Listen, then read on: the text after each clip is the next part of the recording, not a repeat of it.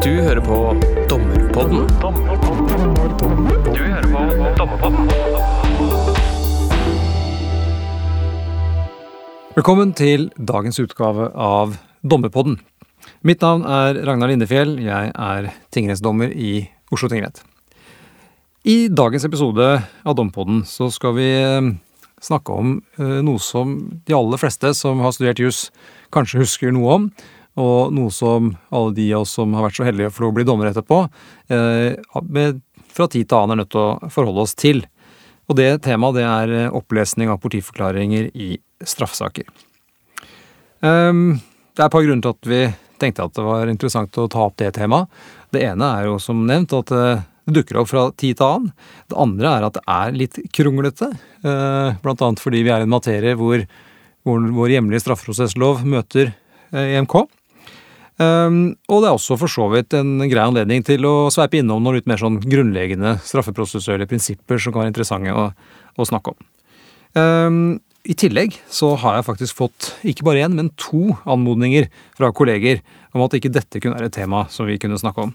Det er i hvert fall to flere anmodninger enn vi pleier å få, så det er jo da grunn nok i seg selv, tenker jeg. Um, derfor, uten uh, mer snakk, tenkte jeg vi skulle starte dagens episode av Dommerpodden. Og dagens gjest eh, I dag er det bare én gjest, eh, men han er til gjengjeld eh, særs godt plassert og kvalifisert til å snakke med oss om dette temaet. Det er lagdommer Mikael Reiertsen i Borgarting lagmannsrett. Velkommen til deg, Mikael. Takk skal du ha, og takk for invitasjonen. Bare hyggelig.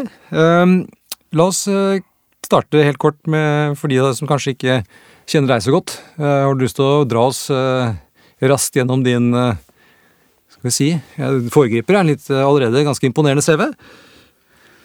Ja, på en, på en, CV så kan det jo stå mye forskjellig. Men det som kanskje er relevant i denne sammenhengen, er jo da at er jurist utdanna fra Universitetet i Tromsø, var ferdig i 2004. Og etter det så har jeg annet vært dommerfullmektig og tingrettsdommer i Hammerfest tingrett. Og så har jeg vært rådgiver i Lovavdelinga i Justisdepartementet, og så har jeg skrevet en doktorgrad om et menneskerettslig tema om retten til effektive rettsvidder med menneskerettsbrudd, altså EMK artikkel 13. Og så har jeg siden 2017 vært lagdommer i Borgarting lagmannsrett. og en av de tingene jeg har jobba veldig mye med opp gjennom årene i ulike sammenhenger, er jo da prosessuelle menneskerettigheter med litt ulike innfallsvinkler. Både i kanskje særlig Lovavdelinga, men også med doktoravhandlinga mi, selvfølgelig, og som gjør at jeg også kanskje kan være egnet til å mene noe om det her temaet som vi skal snakke om i dag.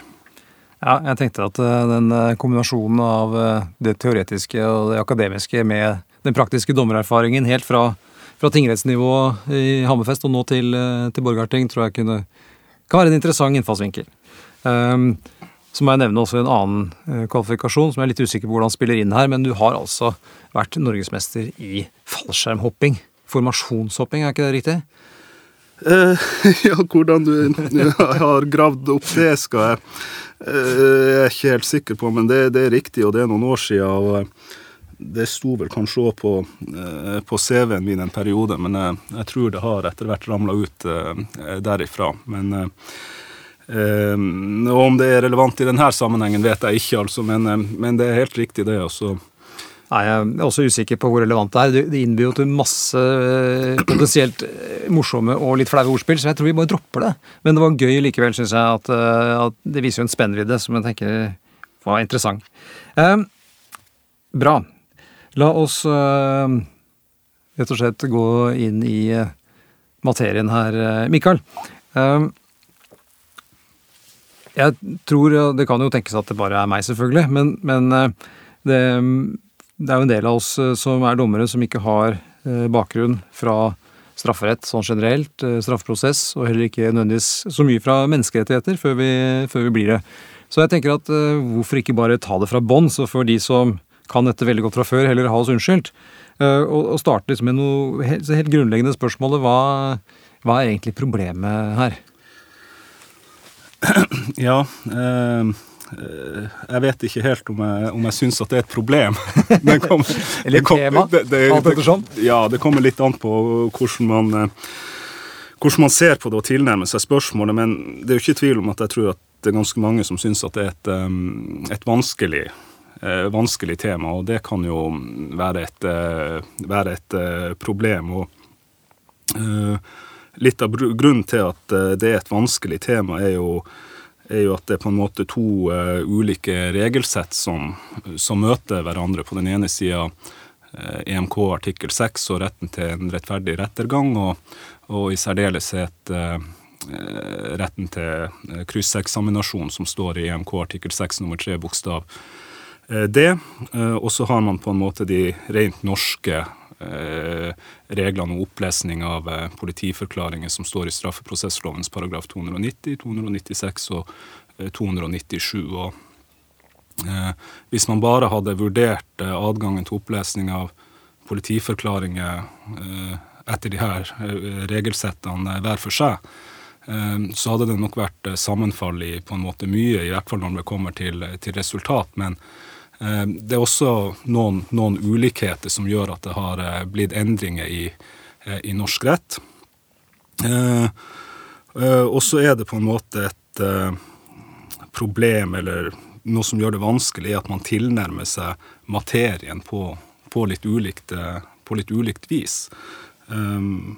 For EMK artikkel 6 for eksempel regulerer jo ikke eh, direkte eh, i noe bestemmelse om eh, hvordan regler for bevis, eller hvordan man skal vurdere bevis eh, nasjonalt. Eh, Men man har en regel i EMK artikkel 6, eh, 6 som, ehm, eh, som krever at man skal få en eh, rettferdig rettergang, og det innebærer at en del grunnleggende eh, prinsipper må eh, varetas, ehm, eh, annet vern mot selvinkriminering, og at det er en, eh, en rett til eh, kontradiksjon. Eh, og eh, under det igjen det man kaller krysseksaminasjon av, eh, av vitner. Og det kan jo føre til at opplesning av politiforklaringer kan være vanskelig fordi at det støter an mot de prinsippene. Altså f.eks. Vern mot selvinkriminering og kontradiksjon. Selv om man på en måte ikke sånn etter EMK-jussen har regulert eh, har ei, ei, ei, selvstendig bevislære som vi har etter, eh, vi har etter norsk eh, rett i straffeprosessloven. Um, så de innfallsvinklene på en måte støter litt, støter litt an eh, mot hverandre. Uh, og det har jo også på en måte vært ei, ei utvikling både i EMK-jussen på det her feltet på den ene sida, men også i den, i den norske eh, jussen knytta mer direkte til 290, 296 og 297 i straffeprosessloven. Og det gjør eh, alle de her tingene i kombinasjon, historisk utvikling, eh, ulike tilnærmingsmåter og gjør, at Og ei utvikling som kanskje har gått litt sånn frem og tilbake, gjør at gjør nok at mange syns at det er, syns at det er vanskelig. Ja, for når var det egentlig vi, dette ble et tema som kom litt i fokus i, i norskhet? Det er jo kanskje ikke så forferdelig mange år siden i denne sammenheng, litt, tross alt? Ja, nå har jo ikke jeg den, helt fulle oversikten sånn praktisk erfaringsmessig, altså, men, men det, man, det jeg har inntrykk av, og det som man, man ser jussen, er jo at eh, jeg har inntrykk av at eh, sånn før 90-tallet, altså at det ikke var egentlig noe særlig problem knytta til den norske anvendelsen av eh, de her bestemmelsene i straffeprosessloven 290, eh, 296 og 297.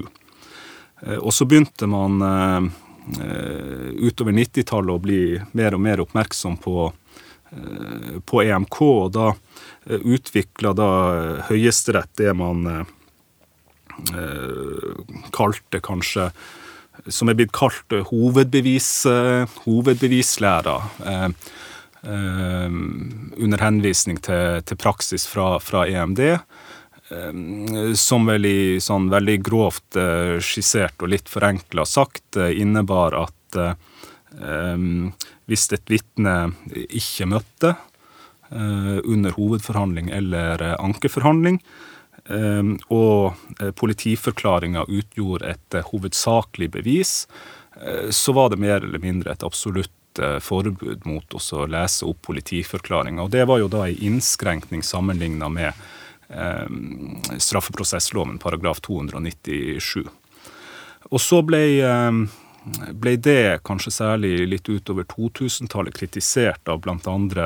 Magnus Maktningsdal, som mente at eh, her hadde Høyesterett eh, eh, oppstilt for strenge rammer. Eh, man hadde eh, tolka, tolka EMK-jussen og EMD sine dommer for servilt, sånn at man hadde fått eh, et mindre nasjonalt handlingsrom enn det, det EMK-jussen egentlig ga anvisning på, at denne såkalte hovedbevislæra var for streng. Og, så, og så fikk vi jo da utover 2000-tallet litt høyesterettspraksis som Eh, gikk kanskje litt i den ene og den andre eh, retninga. Eh, og det kom også flere tilskudd til den juridiske teorien. Jeg husker bl.a. på stående fot en artikkel av lagmann Tonje Wang i Borgarting lagmannsrett og høyesterettsdommer Jens Edvin Skogøy, som kom sånn på midten av 2000-tallet. og Magnus Matningsdal skrev jo si bok eh, i 2007, hvis jeg ikke, hvis jeg ikke husker feil. Nei, det gjør du ikke. Eh, nei. Eh, og det var også andre som skrev om det. Men, og i tillegg så, så gikk kanskje litt forenkla forklart Høyesterett sin praksis i Den var ikke sånn helt entydig.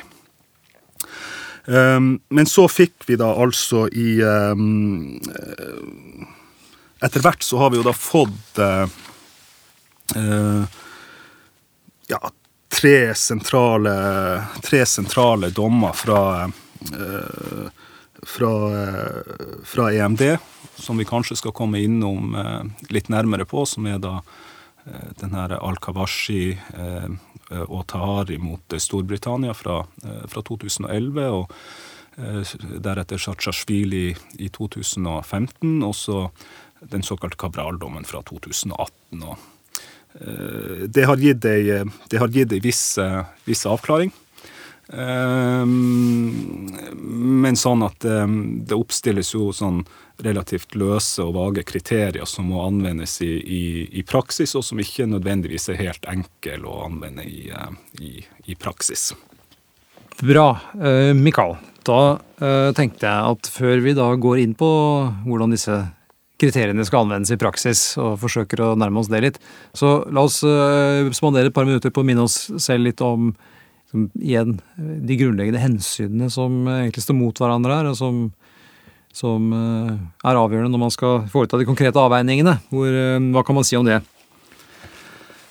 Um, Mye, sannsynligvis? Ja, man kan si det, det blir kanskje litt forenkla, altså, men hvis man, hvis man, starter med å se det fra et, eh, fra et EMK-perspektiv, eh, så tenker jeg da er det Hvis man først da skiller mellom de litt ulike situasjonene altså Den ene er jo at man ønsker å opplese en politiforklaring som tiltalte har avgitt eh, tidligere. og eh, Det som kan stå imot oss å gjøre det, er jo på en måte særlig det her hensynet til, til selvinkriminering eller eh, eller at politiforklaringa mot eh, tiltalte på annet vis er innhenta på ulovlig vis eller på noe vis i strid med grunnleggende eh, prinsipper i, EMK.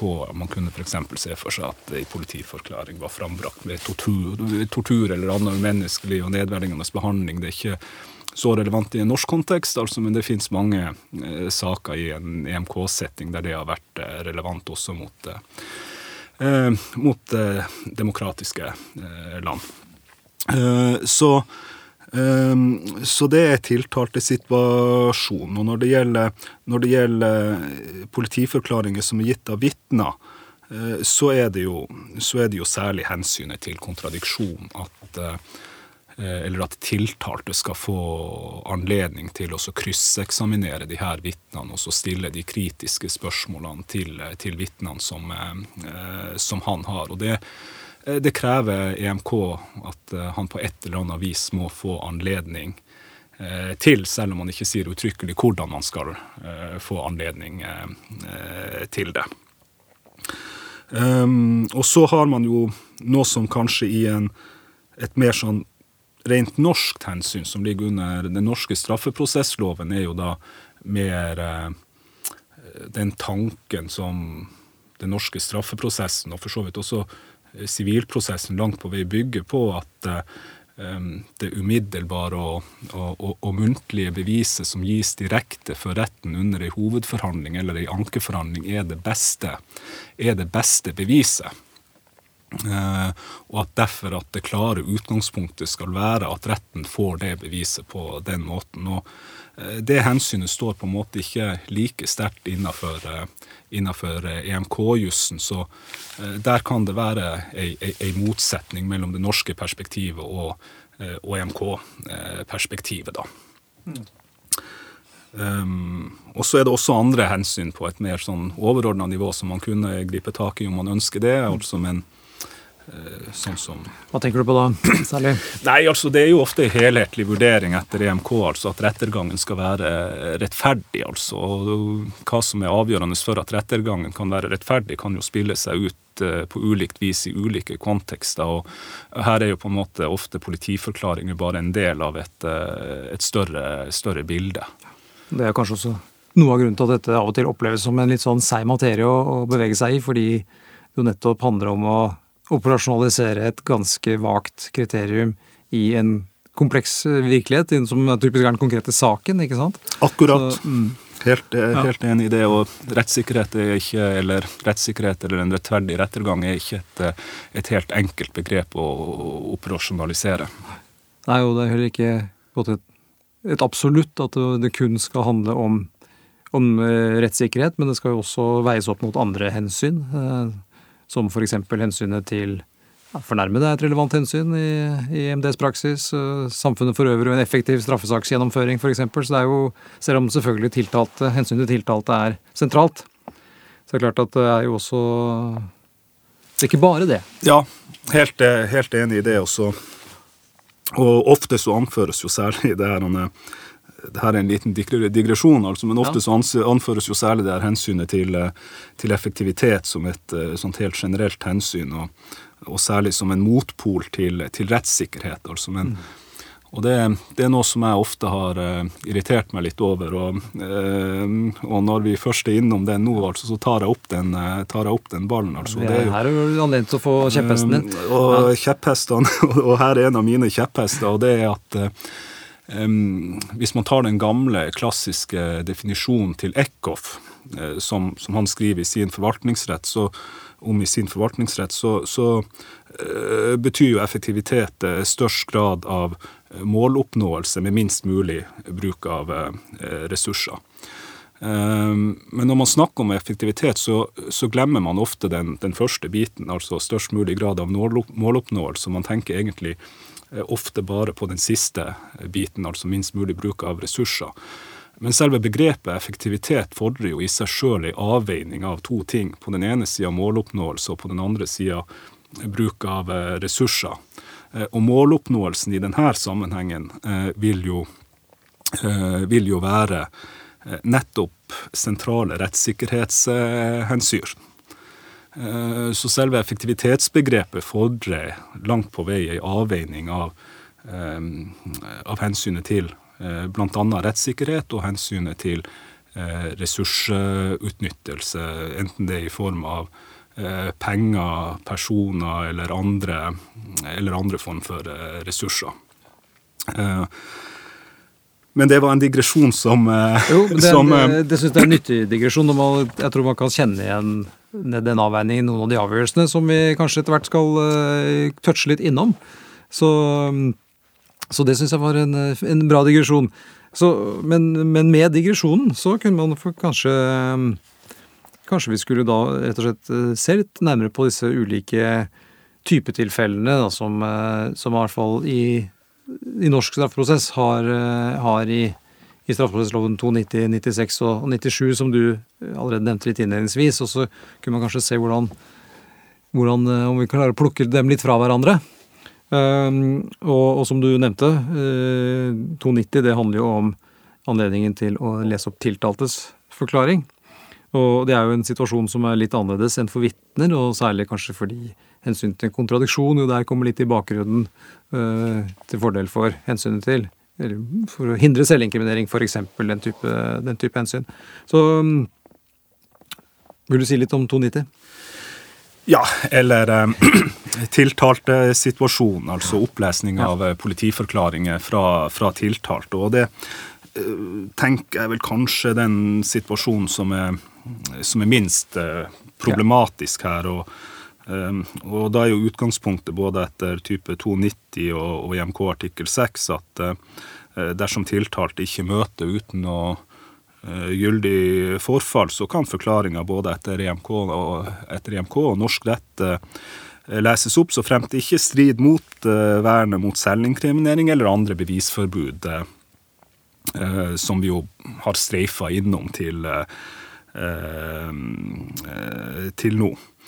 Eh, og om tiltalte møter, så kan det da etter tradisjonell norsk rett leses opp så fremt det foreligger motstridt eller tiltalte ikke husker. Men også her så vil jo da vernet mot selvinkriminering og andre bevisforbud kunne, kunne sette ei, ei grense. Og, og, her er det jo da en, en, en veldig god artikkel fra eh, lagmann Hans Petter eh, Jare om som vel heter, hvis jeg ikke husker helt feil, begrensning i opp opplesningsadgang når det er prosessuelle feil eller noe, ja, det høres, noe der omkring. Og den, det er ikke langt unna, det. Um, og det var vel i Tidsskrift for strafferett i 2016 eller der omkring. Altså, så den, uh, og, den, uh, og den står seg, står seg langt på vei uh, står seg langt på vei fortsatt. Um, og, da, og, da, får man jo på en måte kanskje særlig det her med selvinkrimineringsvernet. Og det, det, det, betyr jo det at uh, i forbindelse med politiforklaringa så må man være opplyst at man har en rett til å forholde seg taus, og det er et ganske sånn absolutt klar, hvis, krav hvis man ikke, hvis man ikke, er opplyst, uh, hvis man ikke er opplyst om det.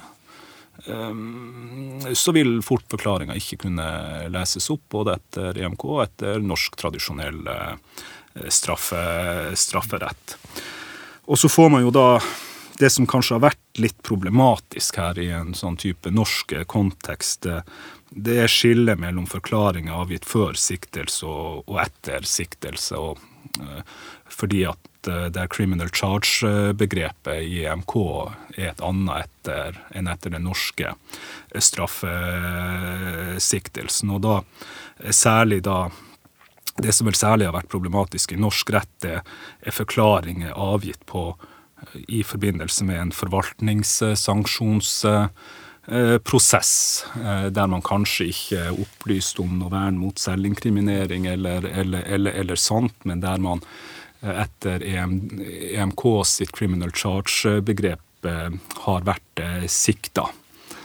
Typisk sånn i konkurransetilsyn, eh, ja. den type til finanstilsyn, altså andre sånne For organer eksempel, som Det klassiske er jo ja. lign, lignings, ligningsmyndigheten og lignings, uh, ligningsforvaltninga, og, konkurransesaker er jo uh, Er det også det som da knytter seg til altså, i saken, som det står jo vel i 92 også, ikke sant? Det er vel også en inngangsport der? Der er det jo for så vidt en, inngangs, en inngangsport, og så er spørsmålet hva det betyr i saken i, i, i, i, 90, altså. Men i alle fall i en EMK-kontekst så, så, er det noe mer enn straffesaken. Eh, og det er det som er sentralt i denne eh, i denne sammen, eh, sammenhengen. da, og der er jo på en måte den sentrale dommen fra, fra EMD. Det er en dom fra en storkammerdom fra 2007 i en sak som heter O'Helleren og Francis mot eh, Storbritannia, som, eh, som, fortsatt står seg. Og det um, sentrale der er, er, at det er en helhetsvurdering som må foretas. At det er egentlig ikke noe sånn strikt skille mellom et kontrollstadie og et og, og, og straffesaksbehandling. ikke sant? At man må vurdere det mer helhetlig om, om rettergangen har vært rettferdig. og det, det er jo ganske sånn fluffy, i formen, men det er noen kriterier og noen knagger i den dommen som man kan henge ting på. Og så må man være oppmerksom på problematikken. Og så opplever vel jeg for egen del, jeg har ikke noe empiri på det her, altså, men jeg opplever vel at uh, problemet her har blitt mindre de siste, de siste, de siste årene. Uh, de siste tiårene kanskje sågar. Um, og det tror jeg henger sammen med at uh, både påtalemyndighet og forvaltningsmyndighet er mer oppmerksom på denne problematikken. Og man har jo bl.a. i forvaltningsloven paragraf 7 fått en egen bestemmelse om samordning av eh, sanksjonssaker der det påligger både påtalemyndigheter og eh, forvaltningsorgan som ilegger administrative sanksjoner, en, en sånn samordningsplikt at de må koordinere seg fra et tidlig stadium og ha kontakt eh, med hverandre. og også da om spørsmål som f.eks. selvinkriminering. Så Um, så det er jo at man rett og slett har hatt mer oppmerksomhet retta mot denne problematikken, gjør at uh, uh, nok det problemet er mindre enn det, var, enn det var tidligere. Men det er der fortsatt. Ja. Før vi går over til eh, vitnene, um, jeg må tenke spørre deg, er det noe sånn, Hvis vi ser litt ned på det praktiske, på grunnplanet, som man sitter i retten og administrerer en sak, om det er i tingretten eller lagmannsretten, det, har, du, har, du, gjort deg noen refleksjoner over hva som fungerer bra, eventuelt ikke fungerer fullt så bra i disse settingene hvor det blir tema å lese opp tiltaltes forklaring? Mm.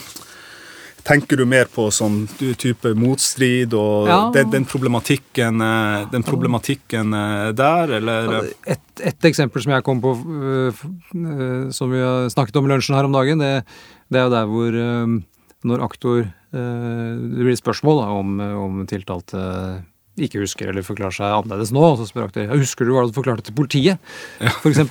Ikke sant? Og da ender du i en situasjon hvor du har én versjon i politiforklaringen, og så har du én versjon avgitt i retten, og så får du spørsmål om en tredje versjon, det du ja. husker at du sa, eh, og så har du det gående. Og så måtte gjøre det, det er bare et eksempel på noe som kan gjøre det litt mer komplisert. og og, og vi har jo legdommere med oss, f.eks., og det kan være vanskelig nok for oss å, å holde styr på de tre versjonene av hendelsesforløpet. Og ofte så er det ganske vanskelig å forklare også for meddommerne. Og det er også vanskelig for dem å av og til absorbere eh, det som skjer. Eh, så det er sånn, en sånn refleksjon som jeg har gjort meg, om noe som, som er et slags utslag, da, at man har disse diskusjonene som oppstår i, i retten, f.eks. En annen ting kanskje er jo sånn hvis det er flere tiltalte. Øh, øh, den type, den type problemstillinger som oppstår. Ja. Nei, eh, og det, det, her er jo det du sier nå om eh, hvordan både aktor og forsvarer stiller spørsmålene, og kanskje også rettens medlemmer noen, noen, Det kan vel tenkes gang. at et medlem av retten også har stilt et uhensiktsmessig spørsmål? Ja. Det, det, er jo ikke noe som bare spesielt for situasjonen med hvordan man avhører tiltalte. Det, det, det, oppstår jo også i forbindelse med, eh, med avhør av eh, vitner, altså. Men min egen erfaring er nok eh, at det er like greit også eh, at det mest hensiktsmessig å gå rett på, rett på sak. Og bare konstatere motstriden, og ikke begynne å spørre om husker du hva du forklarte under under ei politiforklaring, og husker du nå, ikke sant. Altså, Hvis motstriden er der, så er den konstatert, og da kan man heller eh, konfrontere, konfrontere med den. Og hvis den tiltalte eller vitnet ikke husker, så husker ikke det. Og da er det eh, som utgangspunkt adgang til å lese opp, så fremt ikke det er andre begrensninger knytta til selvinkriminering, kontradiksjon osv. Um, ja. Bra. Skal vi uh, se på vitnesituasjonen? Der hvor uh ja.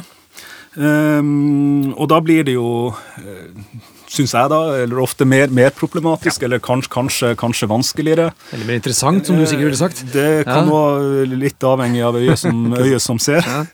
Um, men når, når vitnet møter, så, så er det jo ofte uproblematisk, med unntak av noen situasjoner som jeg kommer tilbake eh, til, tenker jeg. Eller som vi kan komme tilbake til. Eh, og da Det gjelder jo for så vidt også når, når, det, er, når det er medtiltalte som møter, altså som er en litt særlig situasjon som vi kan komme tilbake til. Men hvis vi først tar situasjonen som er i 297, da, at, at vitnet ikke møter, som veldig praktisk har vært Eh, det problematiske, så var det jo her, som vi var inne på i innledninga her, at eh, det var her EMD sin praksis begynte å gjøre det eh, vanskelig for oss. Og der den utviklinga som vi hadde på 90-tallet, med høyesterettspraksis og hovedbevislære, og, som gjorde at vi har da endt opp med de her tre avgjørelsene fra, fra EMD, som vi kanskje kan gå litt grundigere i ja, jeg syns vi skal ta, ta, et sveip innom den, så har vi dem. fordi det tenker jeg kan være, De er jo omfangsrike ofte, og det kan være fint å få destillatet ja, der. og det, det, er på en måte de, hvis, man, hvis, det er tre avgjørelser man skal kunne i denne materien, så er det, så er det de tre avgjørelsene. Eh, og Den første er da den eh, dommen Al-Kawasha og Taheri eh, mot Storbritannia fra EMD sitt storkammer i 2011. Eh, og I den dommen så oppstilte da EMD det som ofte kalles eh, al-Kawasha-testen. Eh, og den består av tre elementer.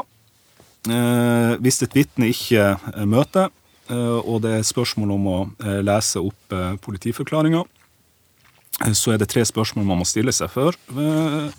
Stille seg. Og det første er da om det er god grunn til at vitnet ikke, ikke møter. Og en sånn god grunn kan jo være at vitnet rett og slett ikke lever lenger, at, at det er død, eller at det har gått. Det var vel situasjonen i den uh, Kawaja-saken? Det, det, det, det, var jo to eller var det Taheri? Ja, det var to, det var to det, fornærmede. Både Al-Kawash og det Taheri. Så, så hva, hva, som var det ene, og hva som var det andre, den, det husker jeg rett og slett ikke. Én var død, iallfall. Men, men, men ja. det, det, kan være et ja. um, det, kan være et uh, type, type tilfelle, eller at uh, gått under jorda, at det rett og slett ikke er mulig å få tak i denne personen, eller, uh, eller at man av andre grunner er blitt så syk at man rett og slett ikke evner å forklare seg, for eksempel. Um, og det andre er da uh, om vitneforklaringa utgjør det eneste eller det avgjørende beviset. Uh, det eneste eller det avgjørende beviset. Og det tredje er om det er tilstrekkelig kompenserende faktorer. på engelsk så har man da sagt 'counterbalancing factors'. Eh, som oppveier ulempene for Forsvaret ved at krysseksaminasjon ikke er mulig fordi vitnet ikke møter. Eh, og sånne mm, kompenserende faktorer, hvis, man bare, hvis, vi bare skal streife innom noen, kan jo f.eks. være at, eh, at man får fjernavhør, eller at man får kontradiksjon på annen måte, bilde, lyd. Man kan ha video med tidligere krysseksaminasjon, enten i en tingrettsbehandling, eller det kan være bevis, typisk bevis, bevis, bevisopptak. Eller det kan være um, kontradiksjon rundt andre bevis uh, som, som, støtter forklaringen, for, for, for eksempel. Ikke sant? Altså det, poenget er andre rettssikkerhetsgarantier eller Eh, faktorer som på en måte eh, kan veie opp for at man ikke får den direkte krysseksaminasjonen for den, eh, for den dømmende eh, retten. Og så fikk vi da denne Sjatsjasjvili-dommen mot Tyskland, som var i storkammer fra 2015, der, EMD presiserer eh, forholdet mellom de her tre vurderingskriteriene. Og det de sier på den ene sida at eh, det er ikke kumulative vilkår som, eh, som, man kunne få inntrykk av etter man eh, bare på basis av all den Al-Kawasha-avgjørelsen. Men det er en helhetsvurdering av alle, av alle faktorene. Og, og, særlig viktig i den forbindelse er at uh, fravær av god grunn ikke nødvendigvis i seg sjøl vil medføre en, uh, en krenkelse. Og man sa også det i den avgjørelsen at det heller ikke er noe krav om at de her punktene, de her tre eh, kriteriene, må behandles i denne rekkefølgen som, som jeg har gjengitt eh, nå. Men at det er normalt naturlig å gjøre, gjøre det. Eh, og så må kompenserende faktorer alltid vurderes, selv om det ikke i seg sjøl er avgjørende. Så det blir ei, en mer helhetlig vurdering av de her eh, tre faktorene, og om rettergangen har vært eh, rettferdig. Uh, og det er jo tre litt sånne um, skjønnsmessige kriterier som det ikke umiddelbart er helt enkelt å si hvordan resultater som skal, skal komme ut av det. Og det er vel det som kanskje gjør at mange syns at det her er vanskelig. Men vi har nå i hvert fall nå eh, tre ganske tydelige kriterier å vurdere ut fra. Hvis vi bare vurderer ut fra de, så er vi i hvert fall et godt, eh, et godt stykke på vei, tenker jeg. Men hvis jeg skal forsøke å oppsummere litt sånn, eh, litt sånn upresist, eh, så vil jeg vel kanskje si noe sånt som at eh, for sentrale vitner så blir det svært strenge krav til good reason. Så man må gjøre, sett fra påtalemyndigheter sitt ståsted, ganske store anstrengelser for å få vitnet til, til, til å møte. Og hvis ikke de anstrengelsene er gjort, altså, så, så, vil saken ofte kunne falle bare på, falle bare på det. Og i alle fall ikke hvis det, dersom det ikke har vært kontradiksjon på noe tidspunkt. Um, og så skal det svært uh, mye til for å tillate ei forklaring opplest som, et, uh, som er et sentralt bevis.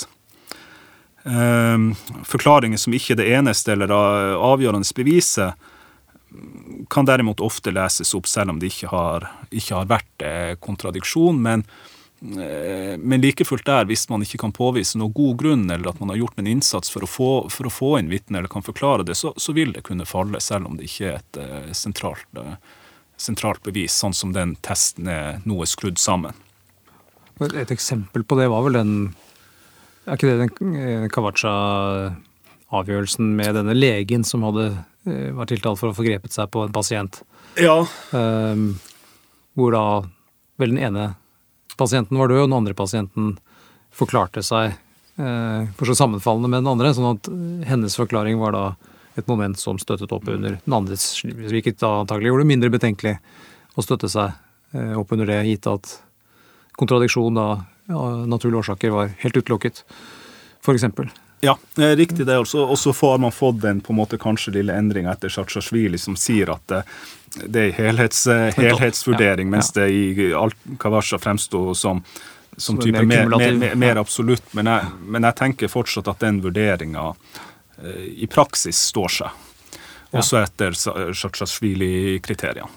Ja, og i, I, forlengelsen av det så, så, kan jeg bare skyte inn med et lite forslag fra meg selv. Dette er et, en lokal avgjørelse. Eh, Høyesterett i 2020, 2137a, eh, som eh, omhandlet bruken av noen chatlogger i en overgrepssak, og, og hvor, hvor Førstehotellet stiller opp kriteriene fra Skatsjvili og så gir en oppsummering. Nå husker jeg ikke detaljene, men jeg lurer på, vi er ute i premiss 53-54 et sted, tror jeg. Og der, eh, der, kommer en liten oppsummering eh, av, eh, av det, mye av det du nå har sagt, som kan være en sånn enkel go to-avgjørelse hvis, hvis, man har litt dårlig tid, og det hender jo at man har. Ja. Men jeg vet at du har en avgjørelse til du gjerne vil snakke om, Mikael?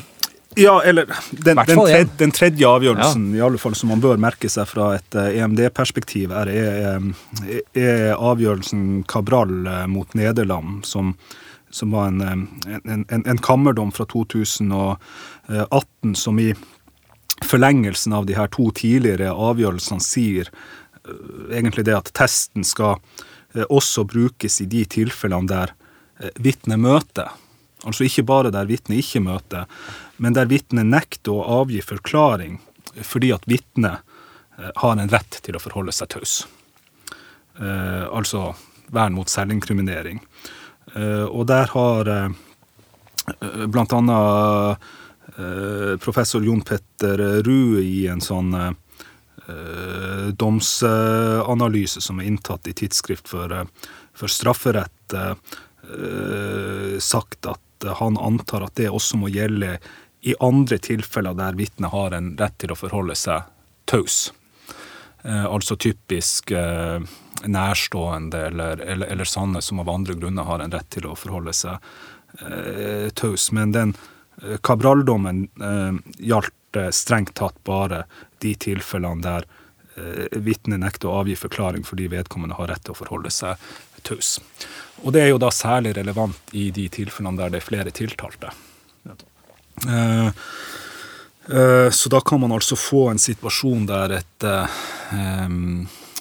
der en medtiltalt har forklart seg på et tidligere tidspunkt, men nekter å forklare seg for, for retten eller, eller lagmannsretten. og, og hvis man da har en, en, rett til å forholde seg taus, og at man ikke har fått kontradiksjon på annet vis i den situasjonen, så, så, vil man ikke kunne lese opp i, hele, i den situasjonen heller, selv om den medtiltalte møter. Og det kan det jo finnes noen type løsninger på. altså Litt av problemet er jo det at man, man ønsker jo av effektivitetsgrunner å ha, ha, flere saker sammen, men i den grad man splitter opp, så er det jo mulig å komme seg unna den. For i den grad Eh, avgjørelsen mot én tiltalt er rettskraftig avgjort, altså så vil jo ikke vernet mot selvinkriminering stå seg på samme måte. Eh, og man kan også være seg bevisst at det kanskje kan være et poeng å skaffe kontradiksjon på et tidligere stadium, i den grad det er nødvendig, f.eks. under ei tingrettsbehandling, ta opp og sørge for å dokumentere det gjennom video osv. Um, det vil kunne gjøre det enklere hvis uh, den medtiltalte for lagmannsretten f.eks. nekter å forklare seg når man har forklart seg tidligere. Så, men det er en uh, viktig avgjørelse i forlengelsen av de, uh, de to andre, altså, og særlig Sjatsjasjvili fra, fra 2015. Og så er det norsk rettspraksis også som, som integrerer det her, og høyesterettspraksis som du har vist til, Ragnar. Og så I tillegg så er det jo har jo Magnus Matningsdal skrevet en uh, artikkel uh, som er veldig god, som heter 'Opplesning av politiforklaring etter Satsjasjvili versus uh, Tyskland', som er inntatt i festskriftet til Henry O. Mæland i 2019. Den er en litt sånn bortgjemt uh, artikkel. De her festskriftene har jo en, Artikler i festskrifter har en tendens til å bli gjemt bort og er ikke like tilgjengelig som så mye annet i dag, men, men, den er altså der og er en veldig, en veldig grei oppsummering av rettstilstanden sånn som den er i dag. Og ellers eh, sånn uh, i, i, det praktiske fra ved dommerbenken, opplever du at det er utfordringer eller forbedringspotensial knyttet til hvordan man håndterer disse problemstillingene når de, når de, dukker opp? Eller har du noen gode eksempler, eller dårlige eksempler? altså, det som jo skaper en del eh, problemer i praksis, er jo det her med de norske reglene om eh, særlig om motstrid. Eh, at vi bare i utgangspunktet kan lese opp når det er direkte motstrid, som, som jo egentlig ikke en regel vi har som er der pga. de forpliktelsene vi har etter EMK, men som er en type norsk eh, regel. Og, eh, og den skaper jo litt problemer i praksis fordi at ja, det er ikke alltid enighet mellom aktor og forsvarer om når det, når det er motstrid. Og dommerne sitter jo ikke med, sånn som det er i dag, i alle fall med politiforklaringen foran seg, så det er vanskelig å avgjøre i forkant er det egentlig motstrid eller er det, eller er det, eller er det ikke. Eh, og så kommer det gjerne noen sitater som er tatt ut litt sånn midt inn i et uh, lengre resonnement, så motstriden er ikke nødvendigvis uh, tydelig ut fra det som blir lest opp, men kanskje ut fra et større resonnement, og så er man uenig om hvor mye man skal lese opp for å kunne konstatere motstriden osv. Så, videre. så Så det at dommerne ikke har tilgang på politiforklaringen i den praktiske gjennomføringa av, av særlig det kriteriet om motstrid skaper en del problemer i, i, praksis. Men det er jo noe som kanskje kan være i ferd med å løse seg litt eh, gjennom eh, nyere et nytt, nyere lovforslag eh, som er vedtatt eh, på Stortinget nå i, eh, nå i, høst. Ja, for det er jo sånn at eh, adgangen til opplesning. Det er ikke det samme som adgang til fremleggelse. Og det, det, har jo by på sine litt særskilte praktiske utfordringer av og til, og ikke minst stille krav til å ta hurtige og presise notater, gjerne.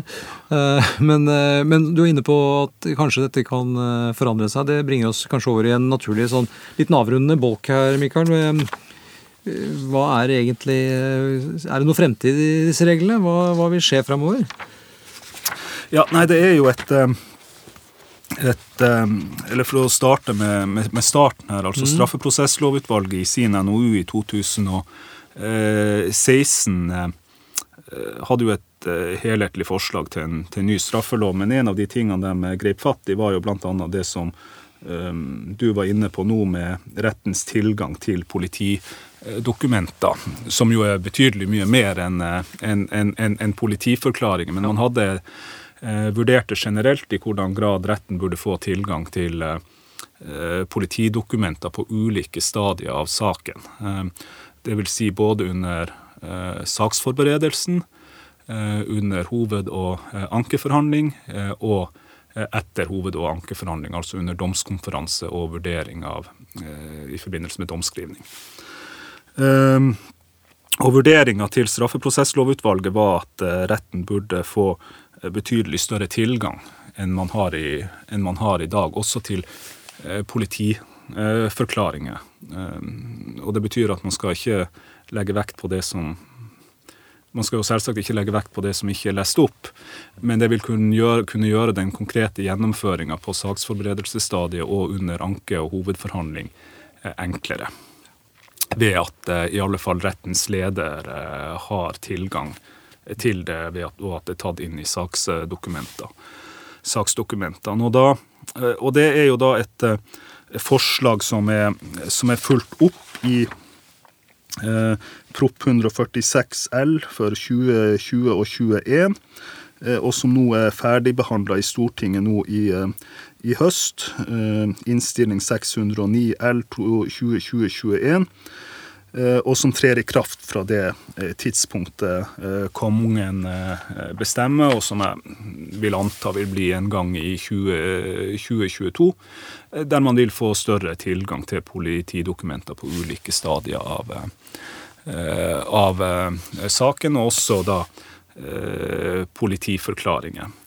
Og så er det en bestemmelse som sier at man skal kunne få det ved behov. ikke sant? Og her vil det nok Eh, bli et spørsmål om hvordan praktiseringa av det her skal være, der det vil være en dialog mellom retten, aktor og forsvarer, og hvor mye man skal ha på ulike tidspunkt som må, må gå seg til. altså. Men den, den muligheten kommer i hvert fall til å være der, og den kan bl.a. gjøre eh, gjennomføringa smidigere og eh, smidigere eh, underveis. Så en annen ting som jeg har tenkt litt på, altså som vi for så vidt også har anledning til i dag, men som vi egentlig ikke har gjort, eh, er jo at eh, eh, tvist om adgangen til opplesning av politiforklaringer kan avgjøres på saksforberedelsesstadiet.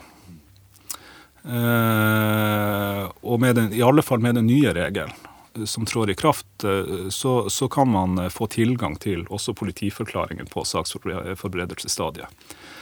Og i praksis, sånn som det er i dag, så er jo taktikken hvis det fordi at eh, det her kriteriet med at det må være et av de her tre kriteriene er at det skal være et uh, avgjørende eller vesentlig bevis. ikke sant? Så er jo taktikken at man skyver det her ut til slutten av uh, ankeforhandlinger eller hovedforhandlinger, fordi at da ser man i lys, har man større mulighet for å se i lys av den øvrige bevisførselen om det her nå reelt sett er et avgjørende eller helt sentralt sentralt eh, bevis. Men man vil jo, sånn som det er i dag, siden man ikke får lagt frem politiforklaringa i sin helhet, så, så, vil man jo ikke få noe eh, mulighet til å se hva det er. Nei, Nei så, det er jo det store paradokset. Man, man, man, er jo avhengig av beskrivelsen som aktor og forsvarer gir. altså, men ja.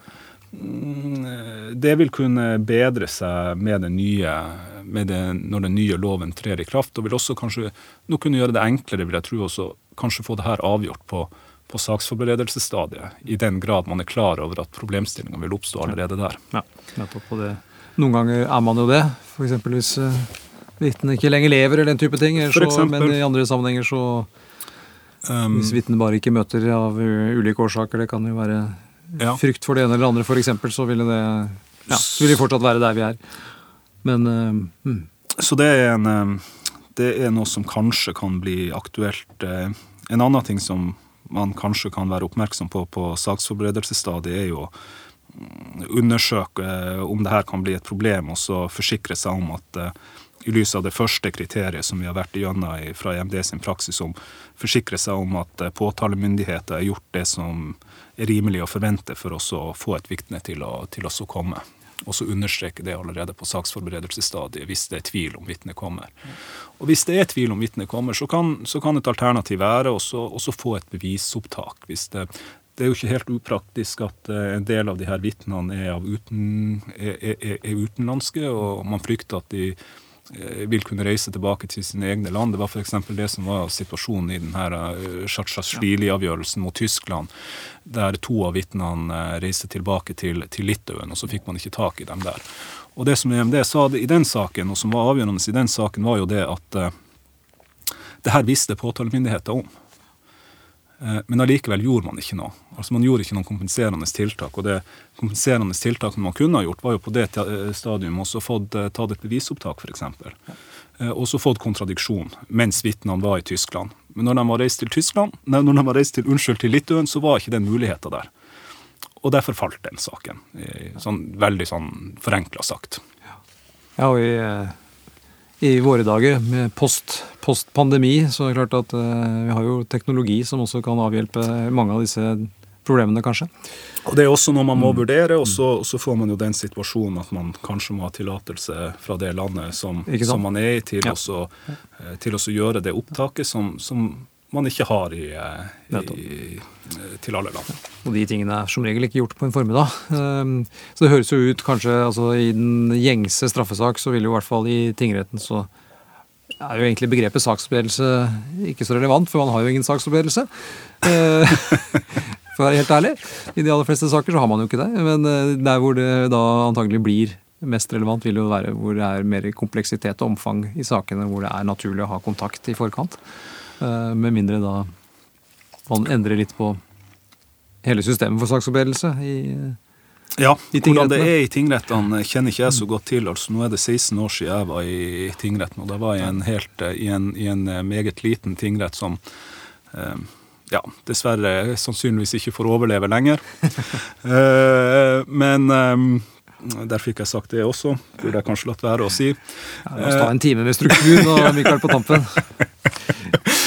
Så, men, eh, men, det som, eh, det som er, et, eh, er et poeng, at, er at man må sjekke, for å gjenta det, altså at påtalemyndighet har gjort det som er rimelig å forvente. og Det, det kan det være fornuftig å gjøre allerede under saksforberedelsen hvis man ser at det her kan bli et tema. Ja, absolutt. Og noen ganger som sagt så vil det være anledning til det. Og hvis det dukker opp under, under hovedforhandling, så må man i hvert fall stoppe opp og ta den tiden eh, som er nødvendig for å få avklart de spørsmålene. så slipper man kanskje en opphevelse. Det er jo Og så er det jo en god heldig. begrunnelse for å få til opptak av uh, tingrettens i behandling hvis det har vært uh, kontradiksjon der. fordi at det vil gjøre ting betydelig enklere hvis uh, vitnet ikke møter i lagmannsretten. og eller ikke ønsker å forklare seg i lagmannsretten. Og hvis man ikke har opptak eller noe fra tingretten, så gjør det det vanskelig i lagmannsretten. Ja.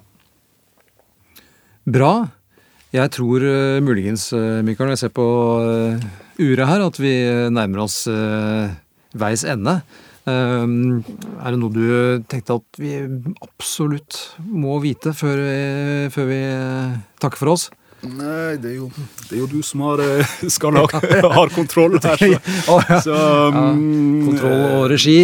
Ja. Så, mm, så, jeg kommer ikke på noe på stående fot nå helt på slutten. Nei. Veldig bra. Da tror jeg at vi eh, sier tusen takk til deg, Mikael Eidsen, lagdommer i eh, Borgarting lagmannsrett, for at du eh, hjalp oss og loste oss gjennom eh, opplesning av politiforklaringer i alle deres krinker og kroker. Så eh, takk for at du kom. Takk for at jeg fikk lov å komme. Du har hørt på Dommerpodden, et kompetansetiltak i regi av Domstoladministrasjonen.